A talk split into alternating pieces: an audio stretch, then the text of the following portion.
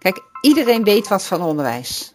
want we hebben allemaal op school gezeten. Dus uh, ja, hoezo hebben we daar eigenlijk een lectoraat of een onderzoeksgroep voor nodig? Want we weten dat allemaal. Veel mensen hebben wel ervaring met onderwijs. Maar het is niet helemaal vanzelfsprekend om daar dan ook even stil te staan bij vragen als: hé, hey, wat gebeurt hier nou eigenlijk? bereiken we daarmee wat we willen bereiken? Dus wij proberen vooral te kijken hoe word je nou zo'n hele goede beroepsbeoefenaar die midden in de maatschappij staat en die wij zo hard nodig hebben.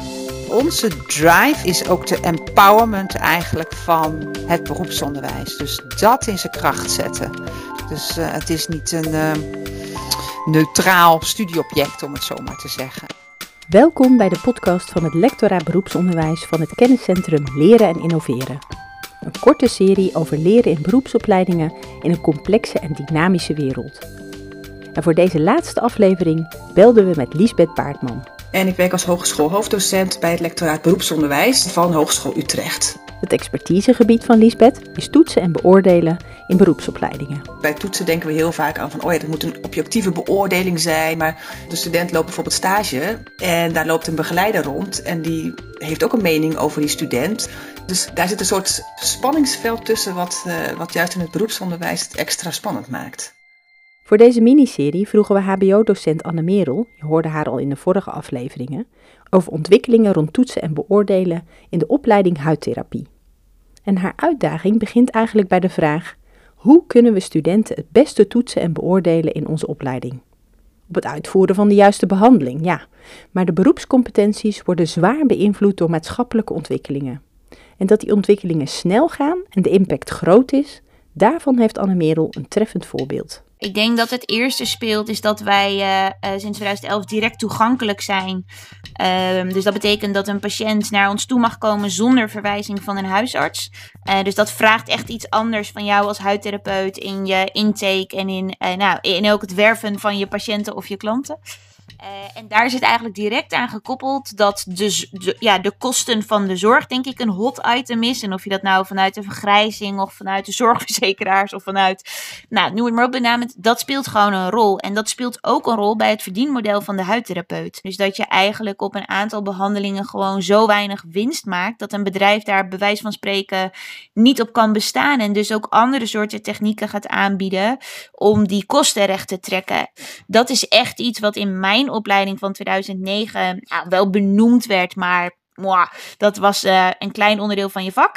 Um, en dat is nu, ja, dat is gewoon core business. Dus ook in het contact met de patiënten is dat, uh, ja, is, geld ineens een dingetje met alles wat daarbij hoort. Dus dan heb ik het ook over de regeltjes en over de systemen waarin je alles moet opslaan. Ehm, AVG-dingen, ja. Nou ja, dat hoort er natuurlijk allemaal bij. En die ontwikkelingen vragen dus niet alleen om een zorgzame, maar ook om een ondernemende huidtherapeut. Dus die verbeteringen kunnen initiëren, samenwerken met, uh, klinisch redeneren, iedere keer opnieuw. Dat is wel echt iets wat je uh, nou, moet blijven doen. Want ons vak is nog zo in ontwikkeling. Dus wij noemen ook heel vaak hetgeen wat we je nu leren. Uh, uh, ja, dat kan over vijf jaar alweer anders zijn. En daarin ja, moeten ze gewoon meebewegen. of dat nou het letterlijke aanpassen van een richtlijn is, of nou, met een kritische blik in dat moeilijke veld met al die leveranciers kunnen bewegen. Daar, moet, ja, daar moeten ze wel echt tegen kunnen. En dat is wel echt iets wat wij uh, uh, nou, in, in de, ook in het beroepsprofiel, maar ook in onze opleiding echt meenemen. De vraag aan Lisbeth is: hoe beoordeel je of iemand klaar is voor een beroep dat zo in beweging is? Omdat je enerzijds soms een huidtherapeutische handeling tot op specifieke kenmerken wil kunnen aftoetsen. Heb je de juiste stand van de laser gebruikt? Heb je het juiste product gekozen? Nou, noem het maar op. Dat is echt een uitdaging dat wij ons soms verliezen in te kleine toetsjes. um, en anderzijds wil je meer naar dat integrale overkoepelende toetsen. Dat is echt um, een uitdaging. Ik vind het herkenbaar. In de zin dat ik het vaak terughoor, ook bij andere opleidingen. Uh, dit is dan een, een HBO-opleiding, maar ik hoor het ook in het MBO terug. Kleinere vaardigheden zijn gemakkelijker te toetsen. Het is wel heel concreet waar je op moet letten. Maar dan ben je dus eigenlijk allemaal kleine onderdeeltjes aan het toetsen en eigenlijk niet de professional of, of de beroepsbeoefenaar als geheel. Ben je dan eigenlijk een beetje uit het oog verloren. En andersom hoor je het ook. Dus dat je studenten hebt waarvan stagebegeleiders dan zeggen, nou een geweldige student, van nou ja, ik zou hem zo aannemen. En dat die student dan blijft struikelen over één of twee toetsen die dus blijkbaar een aspect, een onderdeel van het beroep bevatten, of soms ook een toetsvorm met zich meebrengen die de student niet ligt. En dan kan je je ook afvragen: van, is het nou terecht dat deze student blijft struikelen over deze toets, terwijl hij in wezen zegt iedereen van ja, die is klaar voor de beroepspraktijk. Oké, maar wat kunnen docenten als Anne Merel dan doen? Ja, nou ja, waar we als lectoraat veel mee bezig zijn, is ook met het idee wat we programmatisch toetsen noemen. En dat betekent eigenlijk dat je een beslissing over de student, dus aan het einde van een opleiding is zo'n beslissing van ja, is dit een eh, beroepsbeoefenaar die we los kunnen laten in de praktijk? Die beslissing die baseer je dan niet op allemaal kleine losse toetsjes, maar je doet het eigenlijk andersom. Dus je kijkt naar de beroepsbeoefenaar als geheel. En je moet het eigenlijk voor je zien dat je gedurende zo'n opleiding dan eigenlijk een foto aan het vullen bent van die student. En alle toetsen, hè, zoals in het verhaal van Anne Merel heb je dan losse toetsjes over losse vaardigheden. Dat zijn dan eigenlijk allemaal kleine pixeltjes in die foto. En nou ja, je kunt je wel voorstellen als je naar zo'n foto kijkt en je kijkt heel dichtbij, dan zie je maar één zo'n pixel. Dus dan zie je niet die beroepsbeoefenaar. Maar als je een stapje terug doet en je verzamelt genoeg van die pixels, dan wordt het een scherpe foto. En we zijn eigenlijk op zoek naar zo'n scherpe foto van die beroepsbeoefenaar. En dan neem je dus pas een beslissing over die student een summatieve beslissing als je genoeg van die pixeltjes hebt verzameld. En nu zijn we gewoon gewend in het HBO dan, hè, dus dat je vaak heb je modules en een module wordt afgesloten met, met een toets of met twee toetsen. En, en nou, dan heeft die student die module behaald. Eigenlijk kijken we nu andersom en zeggen van ja nee, het ging niet om het halen van die module. Het ging om het feit of jij nou een goede beroepsbeoefenaar bent. Of het ging om het feit of jij nou klaar bent om op stage te gaan en die al die toetsen en al die modules, die zeggen daar iets over. Dat zijn daar informatiebrokjes voor. En als je, ja, het, grappige is dat als je daar vanuit het lectoraat uh, naar kijkt, dan passen eigenlijk die, die kijkkaders weer heel erg mooi. Want dan zou je eigenlijk zeggen, ja, dat wil je dus verwerkt hebben in dat leerpad van die student, want blijkbaar vind jij dat belangrijk. Dus lijkt het me dan ook handig om te weten hoe een student zich kan ontwikkelen op een vaardigheid als ondernemerschap, om het maar iets te noemen. En vanuit daar ga je dan ook weer kijken naar die interacties en die affordances, die mogelijkheden om dat te ontlokken.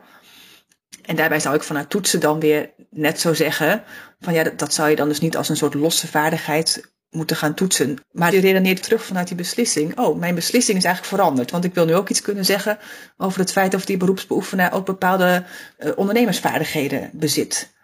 Of dat hij zich staande weet te houden als ZZP'er. Nou, als, blijkbaar is mijn beslissing dus veranderd. Dus heb ik ook andere informatiebrokjes nodig. Dus om integraler en toekomstbestendiger te beoordelen, en dus minder op aparte onderdelen en meer op een beroep als geheel, kan programmatisch toetsen een oplossing zijn.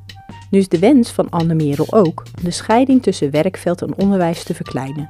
En dat betekent niet alleen in de leeromgeving of in de begeleiding, maar ook bij toetsen en beoordelen. Dus dat wij veel nog toetsen binnen school. Met acteurs, met noem het maar op. Um, waarbij je natuurlijk eigenlijk, nou ja, als ik mijn droom zou mogen uitspreken, dan zou ik nog veel liever met het werkveld willen gaan toetsen. Ja, ik denk dat het voor een opleiding lastig is om dat voor elkaar te krijgen, omdat je een beslissing neemt over een student die consequenties heeft voor wel of niet toekennen van een diploma, voor studiepunten. En daar komt meteen ook uh, een inspectie in het MBO of een accreditatie in het HBO bij kijken, waar altijd best wel streng gekeken wordt naar de toetsing. Dus dat, dat zijn allerlei barrières, waardoor je ook best wel moeilijk kunt zeggen van ja, die stagebegeleider, die wil ik hier nu een rol van examinator geven. En ik vind wel dat je ziet dat dat uh, de afgelopen jaren, we hebben zeg maar een heel aantal jaar geleden wat uh, affaires gekend in het HBO en ook wel in het MBO, dat er twijfels waren over de, de kwaliteit van de diploma's. En dat heeft toen wel een heel erg uh, proces in werking gezet om die kwaliteitsborging heel strak te krijgen. En oké, dat heeft ook best wel heel positieve effecten gehad, maar ook wel een soort kramp tot gevolg gehad. In de zin van alles wat rond toetsen plaatsvindt, dat moet allemaal uh, enorm worden vastgelegd in allerlei documenten en protocollen. En ik ga niet zeggen dat dat niet, niet goed is. Maar dat heeft wel ja, tot gevolg gehad dat het dus bijvoorbeeld, zoals in het geval van Annemero, veel moeilijker is om echt te zeggen van we willen die, die stagebegeleider en wat er allemaal gebeurt in de beroepspraktijk, dat willen we echt een goede plek geven in, uh, in die toetsing. Lisbeth erkent dat er de afgelopen jaren een tendens van standaardiseren en objectiveren is. Maar ze ziet ook dat er nu een nieuwe wind waait.